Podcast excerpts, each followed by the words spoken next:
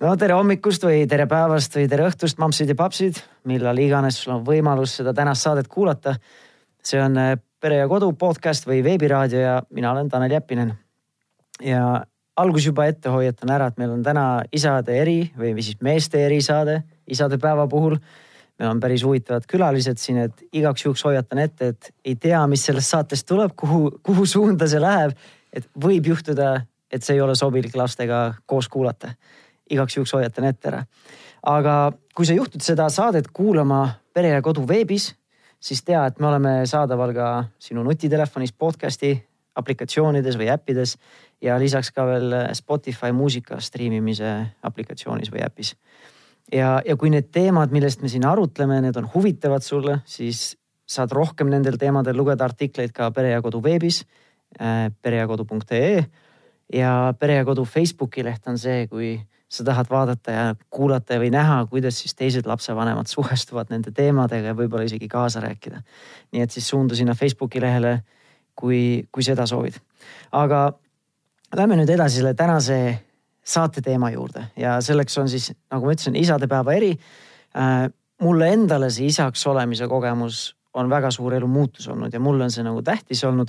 ja vanemlusmentorina lisaks sellele, et siis aidata lapsevanematel seda rahumeelsemat kodust keskkonda saavutada, on üheks minu enda isiklikuks äh, missiooniks ka siis isade kaasatust tõsta laste kasvatamisel või üldse peres. osati võib-olla ka sellepärast, et mul endal ei isa ega kasuisa ei olnud nagu väga kaasatud, nemad teenisid raha, tõid leiva lauale oma peredes, võtsid just selle rolli, aga väga nagu aktiivselt ei osalenud sellest ja ma, mina isiklikult usun, et sellest on nagu peredel ja nii lastel kui ka isadel ja emadel ainult võita, kui isad on rohkem kaasatud. loomulikult ei ole eesmärk nii-öelda tundides seda mõõta, sest traditsioonilise peremudeli puhul enamasti ikkagi, kui laps sünnib, siis on ema see, kes lastega koju jääb, sest teatud bioloogilised eelised on tal isade ees. aga just see, et isad oleksid otsuste juures kaasas, räägiksid kaasa, osaleksid laste kasvatamisel ja nii edasi.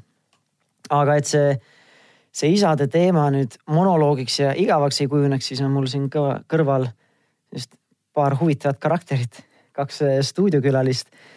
ja esiteks, äh, esimeseks nendest on Jesper Parve, tere tulemast. tere päevast.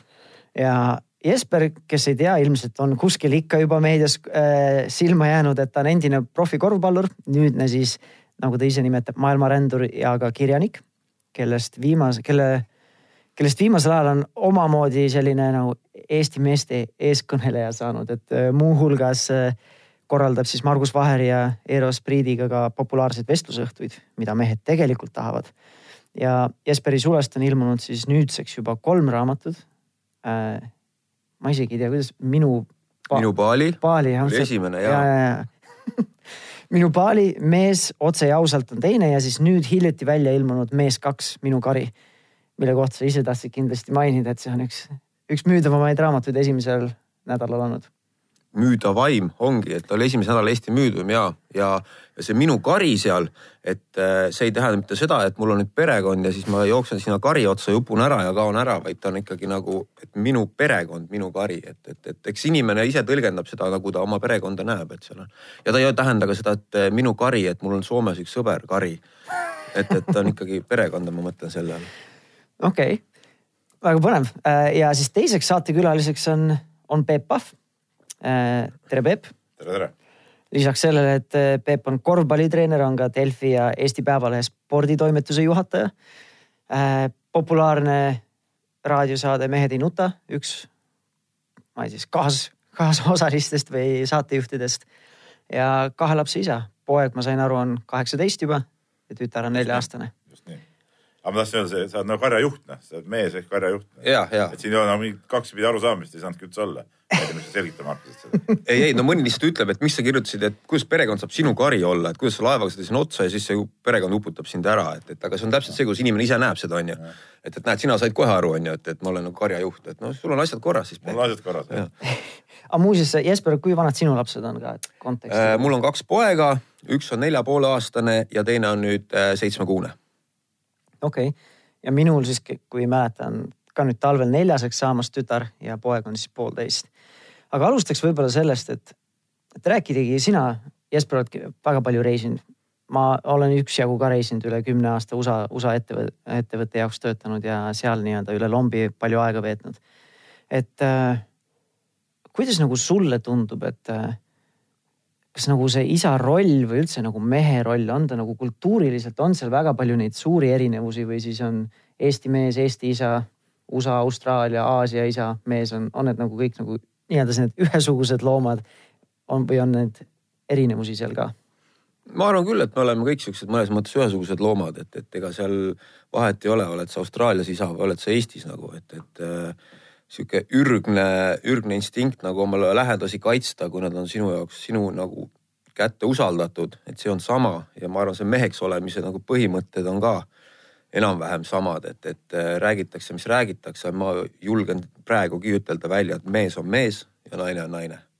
isa on isa, ema on ema ja need on kaks hoopis erinevat asja, nii et eks sellepärast mind Eesti esišovinistiks võib-olla kutsutaksegi, et ei tea.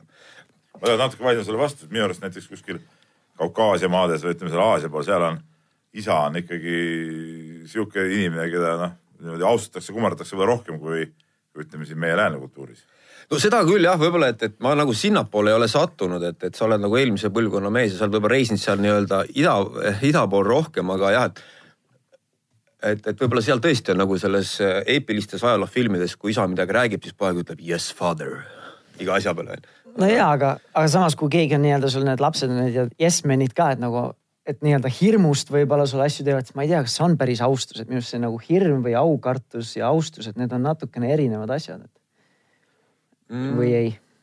sul on nagu mingi see hirmu, hirmuteooria, nagu me ennem ka vestlesime enne, enne saate algust mm -hmm. nagu, et eh, vaadates hirmust nad seda teevad, et see ongi lihtsalt austus, no isa ongi, isa ongi noh, boss noh, kõige kõvem mees noh. nii nagu sa ütlesid, et karjajuht, eks ole, nii, nii ongi, isa on boss ja, ja isa tulebki austada, see on ju loogiline mm. -hmm. siin ei pea mingit hirmu seejuures olema, nii on lihtsalt mm,. mul on võib-olla natukene teine teooria et, äh, et sihukest hirmuga tehtud otsuseid, et, et okei okay,, ma arvan, väikses peas kindlasti laps teeb, on ju, et kui üritad last eaga magama saada, ei saa, ütled, kuule, kotionu tule, viib su metsa ära muidu on ju, siis laps, laps läheb kohe magama, on ju. ma, ma arvan, et sealt tekib mingi aeg, kui ta suuremaks saab, ongi see, et lapsel või noh, ütleme siis täiskasvanud mehel kaob sihuke isemõtlemisvõime ära, et siis ta ongi niimoodi, et ta lähebki tööle ja teeb seda, mida töö juures boss ütleb, on ju aga praegu nagu see, et, et siis ta ongi tegelikult tehasetööline, ta ei saagi elus edukas olla, et, et praegusel ajal on nagu see, kes teeb midagi teistmoodi, kes teeb eh, erinevalt kui teised, et see on nagu edukas minu arust. et kui sa teed kogu aeg seda, mis sul boss ütleb, siis sa oledki seal liini peal, teedki kuradi potte ja panne elu läbi, onju aga kui sa mõtled teistmoodi, sa teed kurat äppi, kuidas potte panne teha ja oled kümme korda edukam no.. nojaa, aga vot eh, noh, see läheb nüüd nagu isaduse teemast natuke välja, aga aga kas siis saab öelda, et tehasetööline on edutu inimene või noh, ta teeb vajalikku tööd, kui ta seda ei teeks, siis meil nagu polekski teatud asju. no ma arvan kindlasti, et see tehase omanik on selle üle kindlasti väga õnnelik.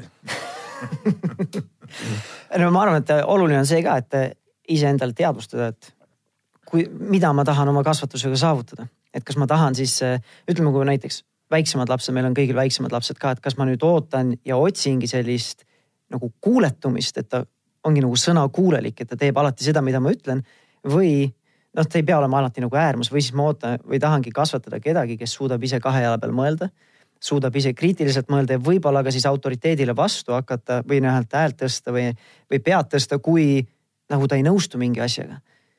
et vähemalt nii-öelda testida nii-öelda, kas need asjad on nagu õiged no,. nii liberaalseks ei saa muidugi minna, tähendab, et. ma ei ütlegi, et peab üks äärmus olema. ikka majas olema, kui ikkagi eh, vanem ütleb, et eh, nüüd on nii, nüüd eh, pesed käed ära, siis sa lähed pesed käed ära. nüüd sa sööd, siis sa sööd ja nüüd sa lähed magama, siis sa lähed magama, ongi kõik, mitte nii, et hakkab seal ise, et ma proovin, ma proovin, et ma hakkan nüüd vastu, et kui öeldakse, et, et pesed käed ära, siis ma pean mustade kätega sööma, noh nii see asi ei käi, eks ole. kui on antud korraldus täitmiseks no see ongi see, et mis su eesmärgid on, et kas ma, kas ma tahan ise seda sõna kuulelikkust. ongi selline lihtsalt noh. no ma ei tea, kas on nagu selline, et kuidas sa ise tunneksid, kui sul ülemus kogu aeg seljas elab, et sa pead seda, seda, seda tegema, et sul nagu üldse iseseisvust ei ole. ma arvan, et mina ise täiskasvanu flipiksin ära sellega noh no,. ma nagu ei oleks seda noh. kui see mulle ei meeldiks, eks ole, siis ma ei ole sihukese koha peal, õnneks ma, ma ei olegi sellise koha peal, kus mul keegi saab kogu aeg seljas aga, aga paraku ongi nagu lapse seisukohast on see, et see ei ole vabatahtlik suhe tal ei ole võimalik sinu perest ära minna, kui ta on sellise nii-öelda repres, represseeritud. sa ju tead, mis on lapsele, ütleme nii väiksest lapsest, kui me räägime praegu mingi nelja-viieaastasest, siis sa peadki talle selgeks tegema, mis on nagu õige, mis on vale noh. ja nende käskude ja asjadega sa teedki selgeks. mina arvan küll, et see, kurat, see ei ole ikka õige värk. et minu arust arvan, et äh, laps, mida mina, kuidas mina kasvatan näiteks oma nelja poole aastast praegu on see, et ma ei aita teda teha mitte ühtegi otsust ega ka mitte ühtegi tegevust ilma selleta, kui ta ise ei ole seda enne proovinud ja kui see otsus nagu ma näen, et see võib-olla kahjustab teda natukene, aga sellest ei juhtu midagi hullu, siis ma lasen tal selle vale otsuse teha, et ta saab ise aru, et see on niisugune kogemuspõhine õppimine, aga kui see otsuse tagajärjeks on see, et ma pean ta kiirabisse viima või mingi hetk tuleb politsei talle järele, vot siis ma ütlen, kuule au, et, et natuke on asjad nagu pahasti. et ma, mina pooldan nagu rohkem niisugust äh, kogemuspõhilist õppimist läbi eksimuste.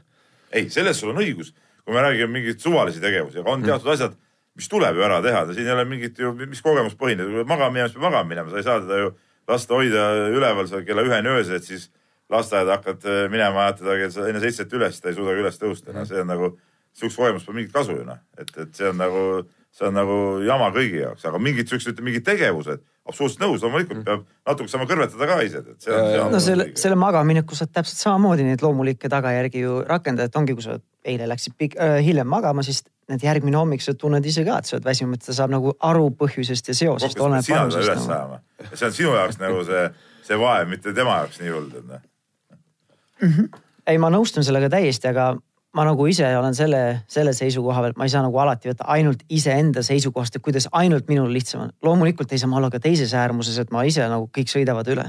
et ma pean endal ka kindlasti kodus panema piirid, et kuidas on minul selles peres ja kuidas mul on kodus hea elada.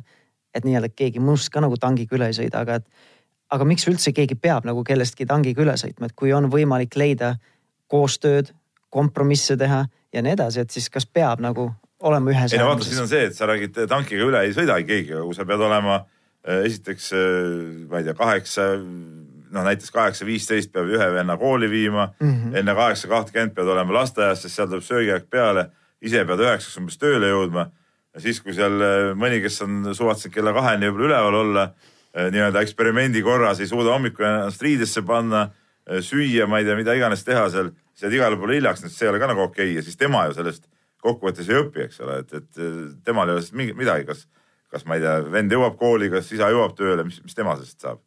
et selles suhtes sa pead ikka need asjad nagu teistmoodi selgeks tegema, et kui on ikkagi magamineku aeg, siis magamineku aeg ja ongi kõik.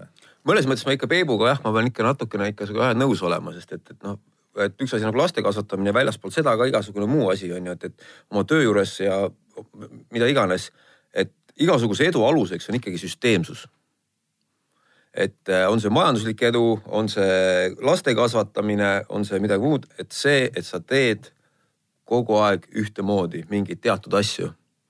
et mm -hmm. äh, iga päev, et, et äh, kuna ma ise nagu olen kodune isa ja noh, elukaaslane mul on ka kodus, et siis meil on natukene sihuke noh, võib-olla me Peebuga lähme No noh eri, teistmoodi, te erinevat, olete meil on hoopis teine elu ja nagu, jah. mul on nagu ükskõik on ju, et kas mu laps ärkab kell üheksa, ärkab kell üksteist on ju, sest ma, ma ei raatsigi teda hommikul üles ajada, sest ta saab oma täiskasvanud elus küllalt kurat kella peal üles ärgata on ju. et võib-olla me räägime teistest asjadest, aga kui sul on ikkagi tõesti, et noh, kell üheksa pead tööl olema, see on see, trenn on kell seitse, siis sa pead puhtalt ainult süsteemsusele selle asja üles ehitama, et mõnes mõttes ma olen ikkagi jah, ei, ma nagu ei vaidle nagu selles mõttes üldse nagu vastu, ma saangi aru, et mul on samamoodi ka see, et, et kui ma nagu ei käse last, et ei kärgi, et kuule nüüd sa pead magama minema, kogu lugu jutu lõpp, et see ei tähenda, et ta ei lähe magama õigel ajal. et lihtsalt see, kuidas ma seda asja presenteerin, see on nagu vahe minu jaoks. Aga ma ei mõelnudki, et võmm kuklasse ja, ja, ja lendab sealt voodisse, et, et see päris Aga- nii peab käima, aga no sa pead ikka nagu ikkagi nagu andma nagu korralduse ka või noh mm -hmm.. korraldus halvasti kõlab võib-olla, aga noh, põhimõtteliselt andma ikkagi käsu jah. aga sellest, mis nagu Jesper rääkis, ma, ma nagu tahakski nagu seda rõhutada ka, et väga suur vahe on, kas mul on enesedistsipliin või mul ongi väljast selline mot-, väljas selline nagu signaal tulnud, et see on see, mida ma pean tegema ja kui nüüd see väline faktor ära kaob, siis seda distsipliini enam ei ole. Et see on nagu erinevad asjad, et kas ma teen neid asju sellepärast, et ma pean tegema või muidu või mul on sisemine distsipliin olemas ja sisemine motivatsioon teha asju õigesti või teha nii sellepärast, et no vot, see on väga hea näide, sest et äh, me seal teeme seda meeste vestlusõhtut ka. ja see on hea näide täpselt, räägitakse, et mehed ei muutu. see on täpselt sama asi, kõik naised, kurat, mehed ei muutu, mehed ei muutu, see on täpselt sama asi. kui naine hakkab saagima ja hakkab meest väänama, et muutu, muutu, muutu, mitte ükski mees ei muutu, onju. Aga kui mehel tuleb seest ise see, et kurat, tegelikult natuke on paha olla, et peaks natuke võib-olla kaalust alla võtma ja peaks natuke naisega paremini käima, siis ta muutub ma arvan, selle saab jube hästi üle kanda nagu lastele ka, et kui laps saab ise aru, et miks, miks peaks asju nii tegema vot, aga seal ongi nüüd see motivaator on ju, et mis see motivaator on. ja, aga vaata, sisemine distsipliin ei teki lapsele iseenesest ju tegelikult sa pead ikkagi Nõustun. just nende, nende su enda poolt paika pandud mingite reeglitega, mis, mis nagu näitavad, kuidas distsipliin ja, ja eluolu käib. See on nagu see, mis, mis annab talle aimu, et siuksed asjad üldse on olemas, et sa pead mingeid asju tegema nagu mingil ajal ja see toob, siis tuleb ka sisemine distsipliin sellest. kas, okei okay,, Peep, aga kumbalt sa arvad, et kas on siis laps õpib nagu sisemise distsipliini läbi selle, et sina kui nii-öelda direktor äh, ütled, kuidas peab tegema või see, et äh, sa palud tal mingeid asju teha, ta teeb võib-olla valesti, eksib ja õpib läbi nende eksimuste või on see mingi miks? ei, see on nagu? miks ikka, see on absoluutne miks loomulikult. Aga Ei, ikka, ma- ta peab ikkagi aru saama sellest ka, et üks asi on jah, see oma, oma kogemus ja nii edasi, et see on, see on väga hea värk, eks ole. aga ikkagi peab olema mingid välised piirid, peab aru saama, mingid piirid on olemas ja siis tulevikus ta enda sees suudab ka neid piire paika panna. noh. sest et ja, sest vaata üks teooria, ma käisin see suvel Gordoni koolis, seal on ka, et, et kõige hullem variant on niisugune, kui on totaalne sajaprotsendiline niisugune dressuur ja vanem on nii, et nii on, nii on, on. Ja teine äärmus, mis on sama hull, on see, kui lastakse lapsel teha kõike, mida ta tahab mm. -hmm. sest see näitab lapsele samamoodi, et eh, umbes keegi ei hooli tast ja kõigil on ükskõik. laps tuleb, kas võin seda teha, ah mine tee, mul ükskõik on ju. et need on mõlemad nagu tegelikult lollused. ei, seda muidugi, täiesti nõus. ja ma arvan, et no eks ükski äärmus ei ole hea, ma arvan, et ja mõlemad kogemused lapse seisukohast on tegelikult hirmutavad. üks ongi see, et ma nagu ei julgegi kuskiltki mööda jo, möö, joonest mööda astuda mm., astuda, sest ma ei tea, mis saab. et ongi lapsevanem on võib-olla kas mis iganes, et hirmutav või see ongi see, noh, mis muud põhjused on, aga kui sul seda üldse struktuuri ei ole, see võib ka väga hirmutav olla. kujuta ise ette, sa oled nagu esimest korda lihtsalt transporditakse näiteks kuskile võõrasse kultuurikeskkonda, riiki, kus sa nagu üldse ei saa aru, mis toimub ja keegi ei ole sul juhiseid mitte midagi andnud ja teed ühte asja, on mingid tagajärjed, teed teist asja, on tagajärjed, et keegi nagu ei kaitsegi sind. et sul ei ole nagu piiri ja struktuur, et loomulikult peavad piirid olema. aga kuidas sa neid kehtestad ja hoiad, et seal on minu jaoks väga suur vahe Mm -hmm. et see on nagu minu jaoks oluline, et, et piirid on tähtsad, aga kuidas ma seda kehtestan ja kuidas ma neid hoian, neid piire, see on nagu tähtis. vot, ma mõtlesin piiride nagu sa ütlesid kehtestamisest ja kuidas seda tehakse, ma arvan, see puhtalt sõltub sellest, kui väsinud vanemad on. ai, sada protsenti on see väga seal, suur faktor nagu. seal ei ole mitte midagi tegemist mingite vanemlike oskustega või kes on kuradi ülikoolis õppinud isaks või emaks, seal ei ole mitte mingit vahet. see on puhtalt see, kas sa oled välja puhanud või sa ei ole. No kui sul ikka a- õhtu on vahele jäänud, siis või tähendab öö on ju laps väike võib-olla on nutnud ja kõik, kõik, kõik, siis on ikka noh, siis sa paned ikka Hitlerit lapsele on ju mm. -hmm. aga kui sa oled välja puhanud, siis muidugi sa hakkad teistmoodi suhtlema, et ma arvan, see on nagu see on väga lihtne nagu põhjus, kuidas olla nagu hea lapsevanem, et puhka ennast välja. aga tavaperekonnas ütleme, ongi see, et see nii-öelda välja puhanud eh, lapsevanemat ongi siis võib-olla, vaata laupäeva hommikul veel võib-olla ei olegi tavainimene nagu välja puhanud, ehk siis ta on veel siukse nädala tusk ja see raskus on kõik veel peal. siis pühapäeva hommik on siuke ainuke hommik siis, kui, kui sa oled nii-öelda nagu teadlik lapsevanem, sa oled välja puhanud ja teed siukest kõiki asju nagu õigesti. ja siis õhtul hakkab see juba uue töönädala närvilisus peale tulema. siis, siis on juba jälle kõik läheb nagu see- vanasse rütmi tagasi. see puhanud lapsevanem, see on ükssarv ikka. ja võib-olla see ongi siis sellest ongi see, et pühapäevane pannkookide söömine ongi sellest tulnud siis võib-olla jah, et, et see on siis ainukene, ainukesed kolm tundi, kui siis nagu lapsevanemad on tublid lapsevanemad praeguses ühiskonnas. Ja ma täiesti nõustun, et see on nagu, see on, ongi, ongi see Snickersi reklaam, et see on tiiva, kui sa oled näljane, et ja nii ongi, et ma olen väga, ma lihtsalt ühte korda mäletan, et ongi näiteks endale veel öö magamata jäänud ja siis on tegelikult pohmakas ka veel hommikul nagu ei ole nagu hea isa. Ei saa olla hea isa, kui sa nagu, ressursid on kõik nagu miinuses, väsimus on, emotsionaalselt või vaimselt oled läbi ja ütleme, see pohmakas ka mida ma kellelegi ei soovita, nagu ikka vahepeal tuleb ette, aga aga ongi, et sul ei, ei, ei, mina tean küll, aga selle vastu muidugi, vaat see on siuke noortemeeste häda muidugi. õige ravim on see, olgu ükspuha kui kehv olla, tõused üles, külm dušš, söök, õue ja kaob ära, tead näe. Võib-olla on vähese- vähese praktika viga võib-olla. hakkab tööle ja kõik on nagu timmis. aga sa õlut peale ei võta järgmine päev siis ühte? ei, ma mingi tsüklimees ka ei ole. ei no üks, keegi rääkis, et pidi olema. no ei, tavaliselt järgmine päev tarvis ju kuskile autoga sõita midagi teha, kus sa seal hakkad ei tea. tegema. Ei, ma ise ka ei võta, mul on üks sõber, mul üks sõber ma, ma elan lihtsalt. nagu nii palju linnast väljas, et, Aa. ma, kuna ma ilma autota nagu päevagi mööda ei saada, et siis see nagu, ei, see ei ole nagu teema. mul on juba see ka, et kui ma juba pohmakas olen, siis ma ei taha mitu päeva näha ega nuusutada ka seda alkoholi no vot, ma ei tea jah, ma ei ole kaua aega olnud. aga, aga vaata, räägime siis nagu üldse, mis see, kui me natuke rääkisime sellest kasvatuse eri, nii-öelda lähenemiste erisusest, mis, mis on nagu õige, et meil ongi erinevad lähenemised ja ei peagi nagu kõik sellise copy paste liivavormiga nagu kõik samamoodi asju tegema. aga mis nagu teie nägemuse järgi või kogemuse järgi on siis tänapäeva Eesti isa sellised suuremad väljakutsed? või sellised kitsaskohad või? ja te olete küll mingit väljakutset, kas see on siis nii, nii raske kogu see isaks olemine, et peab olema mingid, mingid väljakutsed, tegelikult elu läheb ju, ju normaalses rütmis. noh, kuna mul on nagu vanem laps on tõesti, on kaheksateist juba, siis ma nagu seda enne lapse aega nagu eriti väga hästi ei mäletagi enam, eks ole. et see oli kuskil nii ammu, et, et no ilmselt mingi elu, elumuutus oli, aga ütleme pärast seda elu käib ju oma tavalist rada, et, et ega normaalne inimene ei mõtle selle peale, ma ei tea, iga päev või iga nädal, et kuidas ma nüüd kasvatan või mida ma nüüd teen või mis on mu, mis on mu väljakutse, et nii nagu elu lükkab, nii läheb tead noh, kokkuvõttes mm.. ja ma mõtlen jah, et, et me enne vist arutasime siin ka, et, et, et kõige nagu represseeritum ja kõige raskem on elada praegusel ajal ühiskonnas. On sihuke valgel heteromehel nagu, et, et kõigil muudel on lihtne, kõigil on õigused ja kõik on noh, kõikide eest hoolitsetakse, aga valge heteromees, siis kui isaks ka veel saad nagu, et siis on nagu ikkagi sihuke ettekujutus, et no noh, et sa ikkagi pead nii-öelda oma karja eest hoolitsema, on ju, pead olema nii-öelda tugipost, turvamees, siis sa pead eh, raha tooma veel koju. Eh, noh, ja siis veel see ütluse järgi kunagi oli see, et mis see naine peab olema, et eh, köögis kokk, voodis teadagi, kes on ju ja mingi asi oli veel, mis ta pidi tegema. nojah, jah. ja, ja nüüd praegusel ajal peab mees olema see et pead nagu tööl käima, raha koju tooma, siis pead köögis kokk olema, voodis veel ka kuradi kepimees on ju, ja siis veel see, et ja kõike pead tegema filigraanselt on ju.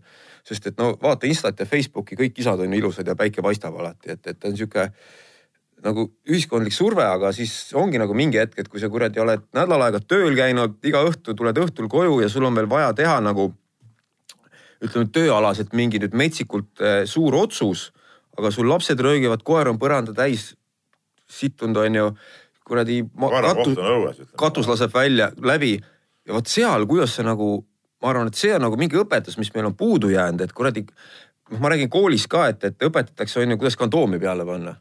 noh, aga kuidas sinna kondoomi peale panekul üldse jõuda, on ju, kuidas naistega suhelda, see on nagu üks asi, mida enamus inimesi ei oska või siis, mis juhtub, kondoom katki läheb. kui sul lapsed tulevad, mis sa siis teed, on ju, et sealt on nagu kaks nagu linki puudu, on ju.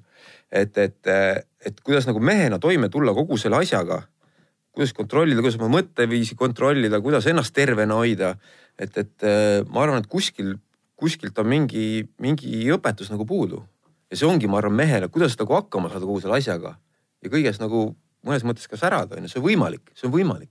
-hmm. no ma nii depressiivselt seda ei näe, nagu sina näed, et ausalt öeldes. no aga mul on, mul on väike beebi praegu kodus. nojah, ma saan aru, aga, aga tegelikult äh, ega needsamad eluaeg on ju mehe roll olnud äh, raha teenida, peret ülal pidada, eks ole, teha nii-öelda meeste töid kodus see, et. Äh, aga nüüd praegusel ajal sa pead olema emotsionaalselt stabiilne ka, sa pead naisega arutlema, sa pead nutma, kui sul on no, valus. ei no õnneks. sa õnneks, pead joogat tegema, noh. õnneks mul nagu naine on, ütleme minu ajastu inimene ka, et ma ei pea mingi tiluliluga seal tegelema, et meil on nagu ikka just arusaadav, et, et äh, noh, on naiste asjad, on meeste asjad ja ma mingi joogaga ja, ja, ja nutmisega ei pea seal tõesti tegelema, et, et tegelikult minu arust, mida vähem nagu mõtelda selle peale, et nende kõikide nende asjade peale, seda lihtsam nagu on ju tegelikult noh. et elu no, lihtsalt, elu, elu tuleb ära elada lihtsalt nii, nii nagu ta on. Noh. no aga elu ei taha ainult sellepärast ka, et ära elada, tegelikult ta nagu tahaks nagu kogeda ja nagu hinnata seda kogemust, mis sul on ja, ja natuke Jesper sinu, ma nagu päris sinu seisukohaga ei tahaks nagu nõustuda, et valge mees on väga raske olla. mul on tunne, et see on see, mis USA ühiskonnas praegu tuleb, sellised signaalid. kuule, see on Eestis ka vaata, mis siin toimub, noh, kui sa oled oled natuke nende mingite homode või kellegi vastu, tead, siis sa oled ju kõige, kõige vihatum inimene või kui, kui sa pead ebanormaalseks, et kaks meest saavad lapsi omavahel, et siis, siis sa oled ka nagu mingisugune paar ja tead, no see on see huumor ju tead, noh, tegelikult noh. selles mõttes maaelu, vot see oli kogu sellist ilu-lilu pärast, et siin mõtlete mingisuguste öö, oma mingi hakkamasaamiste ja oma rollide peale nutate, teete joogat. sellepärast tulevadki siuksed tead pehmed mehed nagu välja, kes lõpuks nagu ei olegi enam nagu mehed. vot ma arvan, selle pehmodega see on see ka, et ma ütlekski, et see vanem põlvkond või noh, ma ei tea, kas ma siin päris vanemaks põlvkonnaks saan pidada, aga, aga ma tunnen küll, et praegu tänapäeva siin on, ütleme pigem minu ja võib-olla Jesperi vanused, nad ise ka tunnevad, et see nagu, mis varem oli, et võib-olla väga hästi ei tööta. et kui ma praegu hästi vaatan näiteks keskealiste meeste suitsiidi arvusid ka, see on mäekõrguselt üle naiste omast. Ja see tulebki minu, minu hinnangul tulebki sellest, et nad ei, ei oska ja ei suuda endale sisse vaadata ja aru saada, mis toimub. et miks ma stressis olen, kust see tuleb, mis ma tunnen ja ongi, ja ongi see, et lihtsalt kõik on nii hirmutav nagu põhjatu kuskil sügavik ja, ja ei olegi muud välja sa räägid praegu nii nagu tüüpiline Eesti film, tead tuul puhub, tolm lendab ja kõik on tead paha, tead näe. ei ole ju tegelikult. Ei, ma ei räägigi, et on paha, aga kui see stress tuleb, enda sisse niimoodi, et, et oi, kuidas selle või teisega toime tulla, mis, mis siin toime tulla aga miks ei võiks nagu, et aru saada mõtled, et tee, ole ja ela, tead, no milles küsimus on. vot see ongi see, et lükkame ei vaib nii, hull, sa sõidad siit autoga õhtu siit kuradi linnast minema ja kõik ongi korras juba tead näe. no ei tea, et aga kas see vaiba alla lihtsalt lükata probleemid ja ignoreerida, ma ei tea, kas see on aga mis probleemid sul on siis näe? No probleem võib palju olla, ongi see, et kuidas tunneta arved näiteks ära maksta, stress töö juures keegi äh, sõidab kogu aeg sinust üle sõidad ja vastu. väga lihtsad Aga- lahendused on. mul oli üks treener, Peep, kunagi sinust samat juttu rääkis mulle no see väga tore mees teda. ja, ja ma kindlasti usun, et sa kiidad teda onju, aga ja et, et mul, mis tundub veel see, et noh, nagu sa ennem, mis juttu sa rääkisid, et, et see sihuke igasugune ürgne mehelikkus või see, mis on olnud nagu mehelikkus, see on nagu sihuke kuidagi maha tambitud või igasuguste muude, muude asjade poolt, et, et äh, ma ei tea, me võib ma arvan, Eestis on ka, ma arvan, siit järjest rüüakse kõik kuradi seina peal ritta on ju, kes siin on igast jamadega tegelenud, ma arvan, Paap, või Paap, pärast tänast intervjuud sinu eelmise lausevõtu eest, sa oled ka Delfi esikaanel ja sa oled samamoodi seinale risti löödud sellesama asja eest on ju. et, et sihuke nagu sihukene mehelikkus või sihuke, mis on nagu päris, milles on nagu, sinus on päris palju seda muideks. et, et see on nagu öeldakse, et see on nagu paha, et äh, või see on nagu sihukene, et see nüüd enam ei ole moes või enam uus maailm on, et seda ei ole. ma ei, nagu ei taha nõustuda sellega, et, et, et, et kõik liikumised ja kõik, kõik, mis on, on ju, et on võimalik nii-öelda linna kõrgemaid maja ehitada mitut moodi, on ju. üks võimalus on see, et sa lõhud kõik muud majad maha, ehitad ühe korrusel, siis ongi linna kõige suurem või siis niimoodi, et sul on see linn jääb alles, aga ise ehitad kõige suurema. et ei pea nagu teisi asju maha tegema tänu sellele, et ise tahad silma paista, kui tahad silma paista. Et eh, pigem olla nagu hea asja poolt, kui kogu aeg millegi vastu. et selles mõttes see nagu kõik need kuradi Delfi kommentaatorid ja kõik, kõik vinguvad ühiskonda jama, onju. aga ise tänu nendele vingumisele asjale, selle nii-öelda teise linna maha lõhkumisele, nad ise on selle ühiskonna sihukeseks juraks teinud. et alati peaks nagu peeglisse ka vaatama, et, et aga et,, aga see, räägime, sina, sa oled sellest raamatu ka kirjutanud või paar isegi, et mis siis, kuidas te siis seda mehelikkust näete? mis see mehelikkus siis on? mm,. Ega seal midagi nagu muutunud ei ole, ma arvan, viimase tuhande, paari tuhande aastaga on ju, et selle nii-öelda meie, meie nii-öelda sisemune, meie keha keemia ja see, kuidas me oleme meestena üles ehitatud, mis meid paneb, teeb õnnelikuks, mis, mis meid teeb kurvaks, millest meil tekib depressioon, need on totaalselt erinevad asjad, mis on naistel kunagi oli kord kõige edukam mees see, kes sai kõige kaugemale jaksas joosta, kes oli kõige tugevam, kes oli kõige liikuvam. Nüüd on kõige edukam mees see, kes suudab kõige rohkem ühe tooli peal istuda ühe koha peal ja kuradi arvutis olla, onju. aga see, mis su kehas toimub, ega see, see ei ole muutunud. et selles mõttes see sihukene äh,, siis tekivadki niisugused sa päev läbi istud kuskil arvuti taga, lähed koju, istud edasi, aga su keha nõuab midagi muud, su aju või aju ja keemia, kõik on mida, midagi muud asja. siis ongi kodus, sa oled- käid nagu mingi väljas äh, jooksmata või kes koer, kes ei ole väljas jooksmas käinud, onju. ühest otsast teise ja kogu aeg tunned, et kuradi kogu aeg keeb sees. noh, ja siis ongi see, et, et äh, lihtne on, tegelikult on lihtne, et, et äh, mõelda, mida tehti kunagi ammu. ega see ei ole muutunud noh igast äh, jura on nagu nii palju juurde mõeldud, mida, mida peaks tegema, et õnnelik olla, tegelikult ei ole noh, mehena. kurat, maga hästi, söö hästi, tee head keppi ja joo head jooki ja oledki õnnelik, noh, rohkem pole vaja. põhimõtteliselt ma olen sinuga nõus, aga seal on veel paar, paar tegurit, eks ole, et eh, mehe asi, sa küsisid, mis, mis teeb mehest nagu mehe, eks ole. mehe asi ongi hoida korras kodust majapidamist, eks ole, kaitsta naist ja lapsi, teenida raha, et, et see kõik oleks nagu võimalik ja see ongi nagu see meheks olemise roll ju tegelikult. samamoodi isaks olemise roll, et noh, mul vanem laps on, eks ole, poeg, noh temaga ei ole nagu probleemi, aga näiteks ma juba praegu kujutan ette, ma olen naisele seda ka mitu korda rääkinud, et kui nüüd tütar kasvab nagu suureks, eks ole hakkavad seal mingid äh, tüübid seal tulema ja, ja, ja, ja siis, siis selles suhtes ma olen küll nagu natuke kontrolliv ka ja hakka, kavatsen seda kaitsta küll, et mingi suvaline jopski nagu sinna nagu ikka ligi ei pääse, tead, mingisugune, ma ei tea, kalamaja mingisugune pehmo, tead, kes sõidab tead, pintsaks seljas jalgrattaga, tead, noh, siuksed vennad unustage ära, tead, noh. tuled, tõstad mul seal kodus seal kive kaevad maad ja istutad puid, saed ja lõhud, siis hakkab edasi vaatama, tead vot see on sihuke asi, vot see on nagu mehe ja isa roll nagu tegelikult. okei okay., ja selles mõttes jah, seal üks hästi hea lause, mille ma sajaprotsendiliselt on see, et kaitse ja hoolitse nende eest, kes on sinu nii-öelda kätte usaldatud. selleks on su elukaaslane, su lapsed, su pere ja su kari, et selles mõttes ma olen sajaprotsendiliselt Peebuga nõus et.... ma, me oleme kõik sellele ühenenud, ma ise näen ka, et ma eesti keeles võib-olla ei oskagi nii, nii võib-olla tabavalt öelda neid sõnu, aga inglise keeles ongi protect, provide ja preside. et see, ta ongi kaitse äh, nii-öelda siis noh, paku neile nii-öelda seda ongi, olgu siis nii-öelda elatis on ju, või siis noh, nii-öelda see provide pool on ju, et Mm. sa tood siis selle, ma ei tea, liha lauale või mis iganes see ürgselt oli ja nüüd siis on ju teed tööd või mida iganes.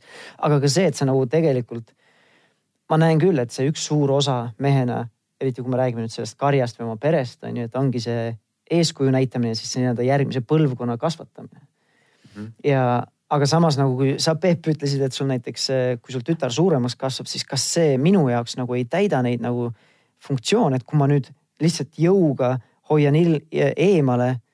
et aga miks, Kahtlaseid miks, elemente aga miks ei võiks nagu, miks ei võiks nagu tütart nii hästi kasvatada, et ta teeb paremaid valikuid lihtsalt? ei, ma loodan, et ta teebki, aga no alati võib vääratada, eks ole. No peabki nagu natuke abistama ja kaitsma siukeste mm -hmm. väliste halbade mõjude eest, noh.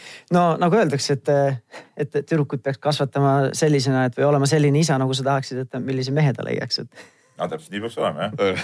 kurat, Peep, ma olin kaks aastat tagasi, mul oli ka pintsak jalgrattas, ma elasin Kalamajas, nii et kurat no, Ma ei- ei... minu sa ajaks luuaga minema siis ei, ma ei kujuta sind hästi sellisena ette. Mul pintsakut ei mingi ole. mentesegadustes mingi periood sul võib olla. ma Tartu peal sõidan ka jalgrattaga ringi. hakkame sellest juba pihta, eks. ahah, okei Aa, aa, okei. siis on, võtab juba Eestis sul mingi kaks kolmandikku elanikkonnast kohe maha, et see valiku. aga siis kus sa saadad selle tütre maakooli kuskile või? maale ei kuskile Antslasse Antslasse peole kuskile, et seal ma ei tea. aga mis Antsal viga on näiteks väga, hea koht ma vaatasin just hiljuti seda äh, ajad, mis, aastad, mis ajasid segadusse või filmis. No. siis ma hakkasin küll mõtlema, et maakohad võib-olla ei ole kõige parem koht, kus lapsi kasvatada. tohoh, tohoh, siin ma vaidlen sulle absoluutselt vastu, tähendab, kui me räägime kohast, kus lapsi kasvatada, siis minu arust linnas, ma ei kujuta üldse ette, kuidas, ma saan aru, te mõlemad olete linnamehed praegu, sa, sa oled, sa oled ka praegu maal. ei, mina Tallinnas ei ela, jah. Oleneb, kuidas linna võtta, kuidas linnas Tartu nagu üldse võimalik kuskil korteris elades on võimalik nagu last kasvatada või, või, või mis, mis see laps siis teeb seal siis nagu kodus on? et käib mööda tube edasi-tagasi või, või laps läheb õue, väike laps, et siis lähed temaga koos, jalutad seal majas edasi-tagasi mööda mingit kivist kõnniteed või?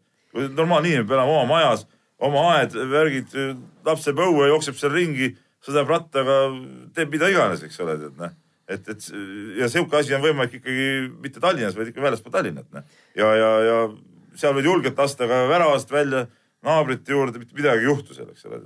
et äh, selles suhtes ütled, et Ants-sugune või noh, et vaata see film, et maal ei ole kõige parem, vastupidi. vastupidi, just maa ongi see koht, kus saab laps normaalselt kasvada, areneda. Ta näeb, mis nagu elu tegelikult on. ma arvan, et siin mõned linnainimesed pole, ma ei tea, ei, ei tee lehmal ja hobusel vahetki võib-olla tead noh. aga No, aga jaa. näiteks minu laps näeb, näeb naabrite hobuseid iga päev, eks ole, näeb, sõidame, sõidame lasteaeda, näeb tee ääres lehmasid, asju, nii nagu elu tegelikult on. tead noh. No eks see film lõi selle pildi ka üheksakümnendates, kus ajad olid natukene teised. ma elasin ka üheksakümnendatel linast väljas, ka siis oli väga hea. ja, aga ma seda nagu ei taha nõustuda, nüüd linnas ei ole võimalik häid Ei lapsi ole. või normaalselt lapsi kasvatada, et see nagu. ma arvan, et see on võimalik nagu igal pool, et see kõige suurem mõjutus tuleb ikkagi laps lapsevanemast nii endast nagu. linnas. ei, ma ei nõustu, et kindlasti see peab kohanema selle olukorraga no.. mis äh, õudne huvi on seal toas edasi-tagasi paterdada. Aga siis tulevadki need, et istun ainult kompuutris ja tegelen mingisuguse juraga tead noh. No aga, aga kui me nüüd edasi vaatame, et ette valmistada seda põlvkonda järgmiseks selleks, et kui meil mingit apokalüpsi ei tule, siis aga mis viiekümne aasta pärast nagu ühiskond on, võib-olla ei olegi vaja seda hobusel lehmal tegelikult paraku nagu on lihtsalt selline olukord, et ei olegi vaja vahet teha, vaid pigem ongi kõik arvutis nagu. et aga kust see piim sul tuleb siis lauale, kui sa vahet ei tee? no ma ei joo ise piima, nii et ja keegi enam ei joo lehmapiima No no,, kurat, praegu ei- on ju riisipiim, kurat, odrapiim Mandlipiim. no okei, mandlipiim. mulle lihtsalt piim ei maitse, veel vähem mulle maitseks mingi riisi või mandlipiim.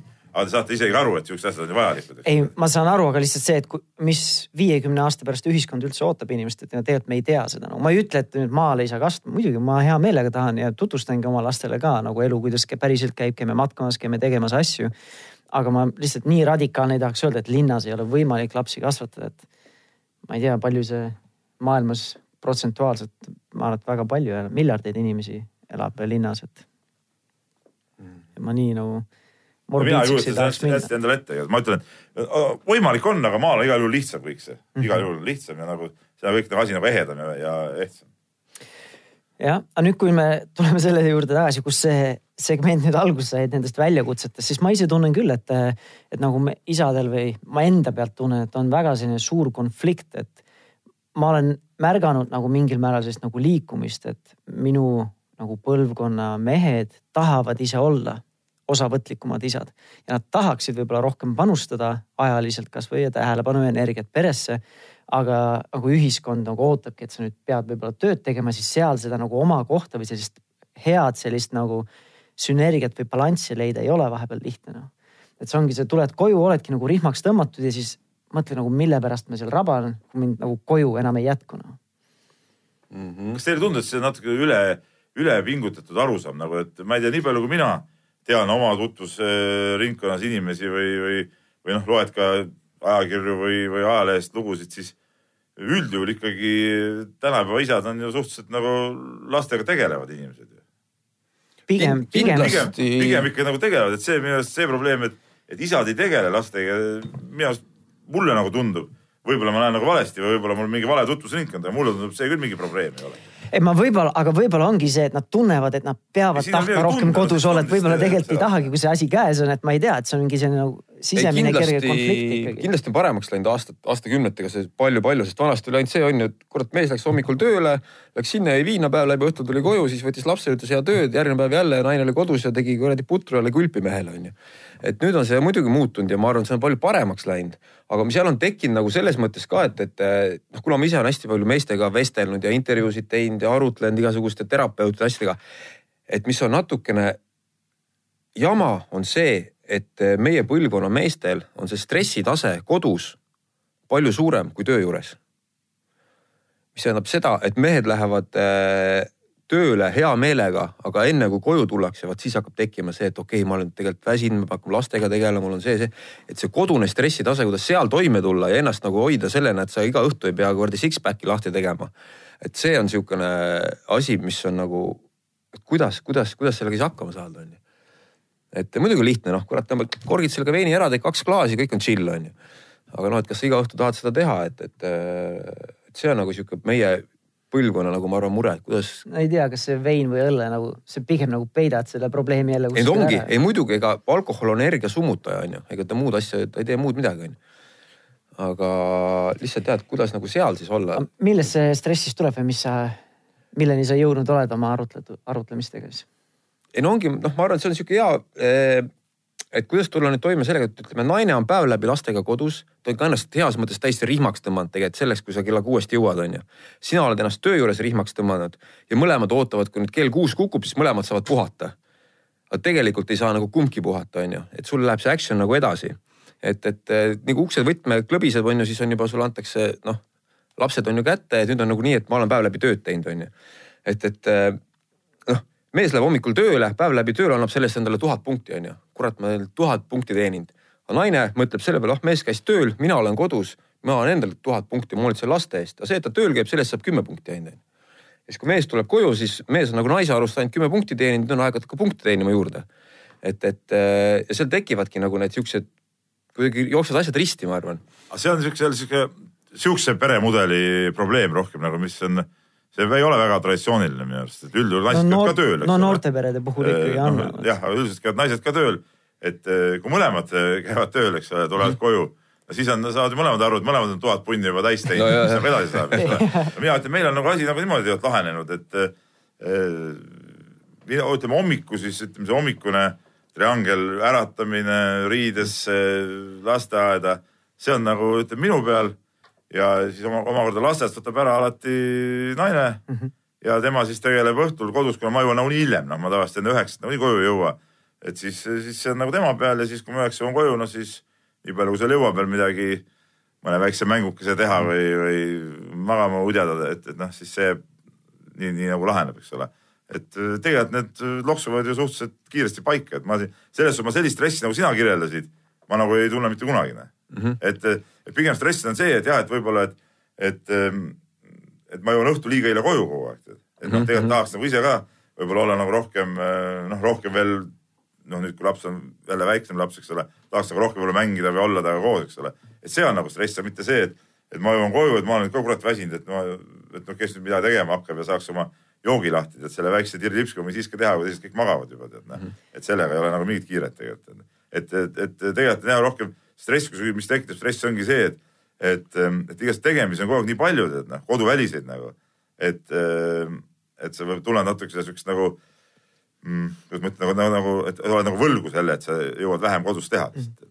see on võib-olla see, mis stressi tekitab kuigi selle... stress üldse mingi umbluu, no tead, normaalne inimene ei tunne mingit stressi tegelikult, no see on mingi välja, tänapäeval välja mõeldis tegelikult. no ma sellega nagu nõustun, et, et oleks vaja nagu pannagi mingid nagu rutiinid, rituaalid või mingi struktuur paika, sest mm. see, mis sina, Jesper rääkisid, ma ise olen ka seda kogenud, et ongi just see, et, et mõlemad tunnevad, et nüüd ma olen, ma olen nagu välja teeninud selle mm -hmm. ja siis juba sealt tulebki selline nii-öelda see nagu konflikt, et mõlemad ootavad midagi teiselt, mida teine ei ole valmis tegema, et ei ole nagu kokkuleppeid või asju. aga mis ma olen nagu tundnud, ongi see, et ma nagu olen tööl, siis ma tahaksin anda sada protsenti endast tööl. olen kodus, ma tahaksin anda sada protsenti endast äh, kodus, aga nii-öelda matemaatiliselt, kui mul ongi ainult sada protsenti anda, siis ma ei saa nagu mõlemal pool sada protsenti anda, et mul on see nagu konflikt endal. et mu, mul on vaja seda eneseteostust kodust väljas, aga siis ma tahaks, et mul oleks ka energiat ja tähelepanu ja kohalolekut kodus olemas sest kui ma olen kodus nagu ainult mingi X arv tunde, siis noh, ma tahan, et need läheksid nagu asja ette. Mhm. aga siis vahepeal tunne ongi, et nagu lihtsalt seda tähelepanu või seda energiat ei ole, siis oledki nagu tühjaks tõmmatud. ja see on mul endal selline nagu konflikt, et kust nagu leida seda balanssi, et kust nagu võtta, kuhu anda ja nii edasi. ja rohkem tekib see tead selle pinnal, ma ütlesin see, noh lapsega sa teed seal mingit ilu-lilu seal mängid natuke või, või lähed, teed mingi õues mingi jooksu, eks ole.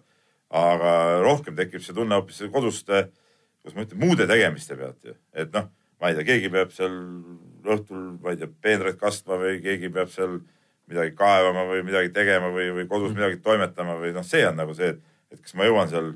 naine ütles, et näe siit midagi on läinud katki, tead paranda ära, eks ole, noh kas ma jõuan selle ära teha, see on nagu rohkem see, see teema, tead noh, lapsed kokkuvõttes kasvavad ju ise ka seal, mis see ikka on siis noh, mängivad seal ise omaette ka. selles ei ole küsimus, ma ei lähe koju selle mõttega nii, nüüd ma olen kaks tundi kodus nüüd peab olema see nii-öelda see kvaliteetaeg, mis on tead meil populaarne sõna, eks ole mm. -hmm. et, et nüüd ma pean sellest kahest tunnist tund nelikümmend viis eh, lapsega seda nukku ühest kohast teise tõstma. see on, see on jama ju tegelikult, noh, see igaüks tegeleb oma asjadega kodus. Noh. nojah, vaata, võib-olla tuleme teisest kohast, et mul on sihuke väike beebi praegu kodus, et see on siukene võib-olla see, et me räägime erinevast seisundist. mul alles hiljuti, noh, et no ikkagi no ega siis, no mul juba vedas ka, meil, mul nagu mõlemad lapsed või meid mõlemad lapsed on sellised, kes nagu öösel on ennast normaalselt ülal pidanud ja ei ole pidanud mingit öist. Trianglit kunagi nagu läbi tegema, et selles suhtes see on mul nagu võõras teema.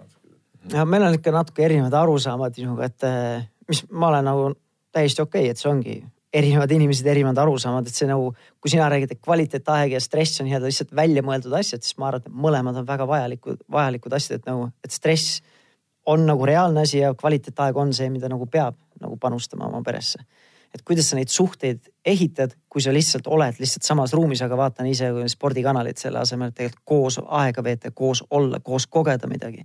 et kuidas sa neid suhteid nagu ehitad? mis mõttes suhteid ehitad, sa pole midagi ehitada, suhted kas on või ei ole, näe, kas armusid tüdrukusse ära. ma ütlen lapse ja lapsevanema vaheline suhe no, just. no aga mis seal ehitada on, see ongi olemas ju noh. no see, et ta on minu geneetika, et see nagu ei, ei, no. ei tähenda, et ta nüüd on minusse kiindumussuhe või ta usaldab mind või ta austab mind nagu, see ei tule ju iseenesest. aga mis siis on, et pead kaks tundi taga siis põrandal seal mängima, et see on siis nagu see lahendus või? ma ei ütle, et lahendus on ainult see, ma pean kõik nagu oma aja sinna panustama, et nagu ei pea olema nagu, üks või teine äärmus ju alati noh kuidas? kes selle all muud asjad kodus ära teeb, mis vaja teha on? ei, ma ei ütlegi, et sa pead ühte või et teist no. tegema, et lihtsalt nagu, et aga sellele sa peaks ka panustama. ei no, see, see kõik käibki nagu loomulikku rada pidi, ma ütlen liiga üle ei ole mõtet mõtelda nende asjadega. Noh. et, et see kõik käib loomulikku rada pidi, sa lähed midagi tegema, sa võtad lapse kaasa, teeme koos mm, -hmm. ole siin juures, noh nii-öelda aitad, noh seal ka oma väikse mingi kühvlikesega või rehaga seal midagi nokitsed, eks ole, et noh siis mulle tundub, et me võib-olla nagu... seda ühist osa on rohkem, sulle lihtsalt meeldib paugutada vahepeal sellist. ei, no see, aga see ei ole nagu noh, ma mõtlen, et see on nüüd, nüüd ongi kvaliteetaeg, riisume siin muru, tead noh kvaliteetaeg, tööd tuleb ära teha, ongi kõik. no ma ei tea, mul on selline suhtumine, et kui, kui sa nagu ei planeeri ja midagi ei tee, siis sagedasti need asjad jäävad tegemata lihtsalt, et kui ma ei teadvusta, teadvusta endale, et mul on, ma tahan kvaliteetaega võtta, siis sagedasti see jääb lihtsalt tegemata. Võib-olla ma olen siis liiga analüütiline inimene, ma ei tea no.. siis äh, selle teooria järgi mul ongi jäänud kõik tegemata, sest ma sihukese, sihukese mõtte peale ma, ma ei ole kunagi tulnud, et mul on nüüd vaja kvaliteetaega. ei no samamoodi, kui sa tööle lähed, ka sa ei tule lihtsalt tööle, oh ma hakkan, lähen tööle, nüüd teen tööd. sul on ju kindlad eesmärgid, mida sa tahad teha. No. lahti ja ma näen, mis ma seal olen noh, täpselt sama nagu, et ongi, et kui ma kodus tahan ka, mul teatud eesmärgid on, et me panustame, veedame kvaliteetaega. see on nagu samamoodi nagu, ma ei pane seda võib-olla kalendrisse nüüd kirja, on ju. Võib-olla mõnikord on vaja panna, kui on väga kiire aeg, et see saaks nagu tehtud, sest see on minu jaoks tähtis. Jesper, kuidas sul on, kas sa, sa nagu planeerid oma kvaliteetaega kuidagi või mõtled selle peale tõesti või? mm,? no mul on ka ikka päris sihuke, ma ütlesin, et organiseeritud tegelikult, et kuna ma isale nagu töötan kodus ja ma kuskile hommikuti tööle ei pea sõitma, siis mul on ikkagi jah, et tegelikult mul ikka kalender on ikka päevakava on ikka väga-väga tunniliselt, tunniliselt paigas on ju. kus ma olen, mis ma teen aga jah, võib-olla see ka, noh kui see stressitasemest rääkida, siis ma arvan, minu jaoks on ka kõige see miinus kõige suurem või see mitteoskus nagu, et ma kipun ennast nagu selle päevaga nii rihmaks tõmbama, et, et ongi see minu kuradi see konteiner on lihtsalt nii täis, et õhtuks, kui ma peaks tegelikult nii-öelda olema, siis on lastega suhtlema, rääkima, tegelema, ma olen lihtsalt nagu mujal ennast nii tühjaks tõmmanud. et, äh, et võib-olla peaks jah muutma seda nii palju, et mitte ei ole nii, et sul on nagu tööalased tegevused ja siis sinna vahele sa vaata, kus aega üle jääb, siis tegeled lastega, et tegelikult peaks nagu sa ütlesid, et väga hästi, et võib-olla panemagi mingid, ma ei tea, lasteaiad kuskile on ju nädalasse, kus ongi nii, et vot, sest et eh, ega vaba aega nagu noh seda ei ole. ajapuudus kogu aeg noh. et, et, et see on võib-olla natuke vale mõtlemine, et ma tegelen siis, kui mul aega üle, aga tavaliselt ei jää aega üle, mitte kunagi nagu sellest on. Et, et ja noh, kuna meil noh, vanem poiss ka nelja poolel lasteaias ei käi, ta on kodune kogu aeg on ju, et, et siis on niisugune. noh, teil on teistsugune rutiin. meil on hoopis teine elu jah, jah, jah, jah no mul on võib-olla jah, suht sama, et ma töötan ka kodukontorist ja meil on kaks last ja naine on last, lastega kodus. kodukontor on saatanast ja see tegelikult rikubki palju inimesi, inimene peab minema tööle, siis on konkreetne värk, sa oled seal kodus, siis kõik hägustubki ära, tead see töö, päri elu, eks ole, kõik ja, hägustub ja, ära. mina näiteks ei kujutaks ette, et ma oleks kodukontoris töötaksin. Ei, seal kindlasti on omad väljakutsed, aga kui osata neid piire seada ja nendest kinni hoida, siis see on võimalik, aga kindlasti ma ei ütle, et ta nagu mõnes kohas ta nagu mõnusam aga teisest kohast on seal väga palju rohkem välja. ja, et ikka nii, need, kes ütlevad tööles, et ma oleks homme kodukontoris, see tahab puhkepäeva no see on see, kui sa kellegi teise jaoks töötad, kui sa enda jaoks töötad, sul on endal ikkagi mingi surve peal, siis kui ma niisama täna lihtsalt Youtube'is passin tund aega või kaks tundi, siis nagu see tuleb millegi arvelt, mul jääb midagi teenimata nagu. et kui sa lihtsalt tunde tiksud kontoris või noh, sa võid kontoris ka tühja tiksuda nagu. aga meil hakkab nagu aeg otsa saama, et peame hakkama otsi kokku tõmbama, et äh, kumbki teist tahab või nad lõpu, lõpuks siis nagu midagi öelda, et midagi, mis sa ise tunned, et jäi ütlemata, mis ise tunned, et nagu on oluline äh, või midagi üle rõhutada või siis äh, lihtsalt võib-olla natuke üle korrata, mida sina ise, kuidas sa või kuidas sa nagu sõnastaksid, mis sinu eesmärk isana näiteks on, kuna see on nii-öelda lapsevanemate podcast? ei no mm. ma mingit eesmärki, ma ütlen, ma ei ole mingit püstitanud, et nüüd ma isana pean, ma ei tea, saavutama seda, teist või kolmandat. minu arust, minu sõnum on see, ärge mõtelge üle Äh, elage lihtsalt oma elu ja see laste kasvatamine on üks elu loomulik osa ja see tuleb selle kõigega kaasa ja, ja ongi kõik, siin ei ole mõtet mingit imeteadust leiutada, on kõik lapsed üles kasvatatud ja, ja kasvatatakse edaspidi ka mm. -hmm. Peebuga ma nõustun selle esimese lausega, ärge mõtelge üle, sest et enamus asju saavadki alguse sellest, et inimesed mõtlevad üle, sest et kuna kõigil on elu mõnes mõttes nii mugavaks läinud, siis hakatakse igast probleeme välja mõtlema, et, et tegelikult on äh, meil ikka väga hästi, noh, et vaadates seda, mis mujal maailmas toimub. aga mina võin nagu enda koha pealt võib-olla öelda seda, et, et sihuke isaks saamine on mehe elus nagu ma arvan ikka kõige suuremaks niisuguseks äh, proovikiviks või testiks. et äh, kuidas sa sellega hakkama saad, meid seda keegi õpetanud ei ole. enamus, ma arvan, on isana sellised, millisena oldi, kas meile isa või vastupidiselt sellele, kuna oli võib-olla nii hull, on ju. kumbki, ma arvan, ei ole õige aga see on äge, tegelikult on äge olla isa, on äge olla perepea, karjapealik.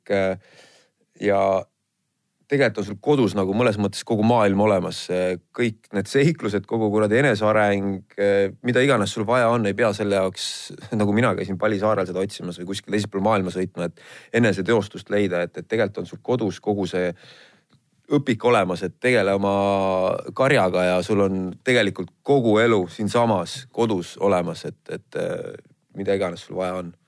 ja sada prossa nõus, absoluutselt õige mm. -hmm ma sellega nõustun ka, et üle nagu ei pea mõtlema, et iseendale probleeme välja nagu ei pea mõtlema, aga üks, äh, üks nagu mu enda eesmärkidest isana olekski see, et, äh, et kasvatada lapsi niimoodi, et nad ei sõltuks minust. Et, et nad suudavad ilma minuta ka hakkama saada, et kui näiteks midagi peaks juhtuma, ma peaks varem nii-öelda lahkuma siit ilmast, on ju, et nad ei, et nad on ise, oleneb, mis vanuses nagu nad on, aga nad on iseseisvad, nad ei sõltu minust Nad saavad ise otsuseid teha, nad suudavad ise mõelda, suudavad ise hinnata mingeid olukordasid ja nii edasi. no see on ka ju seesama elu loomulik osa, see, et kümneaastane laps paratamatult sõltub sinust isegi, eks ole. et noh, ta ei ole ise ju mingi otsusevõimeline, küll aga see on nagu loomulik, et kui laps on, ma ei tea, kaheksateist, üheksateist, siis no ongi aeg minna oma elu peale, ega siin ei ole niimoodi, et hoiad siin, ma ei tea, kolmekümnenda eluaastani last enda kodus, eks ole, et noh, hakaku nüüd elama, tead noh. see, see on nagu, ma ütlen, et see, see ei pea olema mingi eesmärk, no see on, see on nagu asjade loomulik käik, noh, siin ei ole midagi jälle ei ole üle mõtelda, noh, asjad peavadki nii minema. noh, sellega pigem ongi see, et noh, kui me rääkisime ennem natuke eetriväriselt ja võib-olla natuke siin eetris ka, et, et kui me rääkisime sellest nagu karistamisest või nagu võimuga juhtimisest, et siis ma näen, et see nagu ei täida seda eesmärki, et kui ma võimuga juhin, siis ta pigem nagu õpibki lihtsalt alluma, aga ta ei õpi iseseisvalt mõtlema. aga kui ma olen, oleksin seal teises äärmuses, et nagu laps teebki, mida tahab, siis ta nagu ei õpi seda enesedistsipliini ja ise nagu otsuseid vastu võtmas. et pigem nagu proovidagi leida enda jaoks selline hea dünaamika, mis ma ise usun, et nagu täidab seda eesmärki, et ta nagu õpib elama, aga ta nagu ei sõltu minust ja minu nii-öelda sellest juhistest, et ainult niimoodi saabki, et, et mis isa või mis keegi autoriteet ütleb. et see, see oli selle koha pealt pigem mm -hmm.. vot, aga saade ongi otsa saanud, ma loodan, et see kindlasti oli teistsugune saade kui, kui eelmised ja ka järgmised. Äh, ma loodan, et oli vähemalt põnev kuulata enamasti, nii nagu mina olen aru saanud statistikast, on meil kuulajad emad, neil oli kindlasti põnev kuulata, võib-olla tuleb sellesse saatesse rohkem ka isasid kuulama.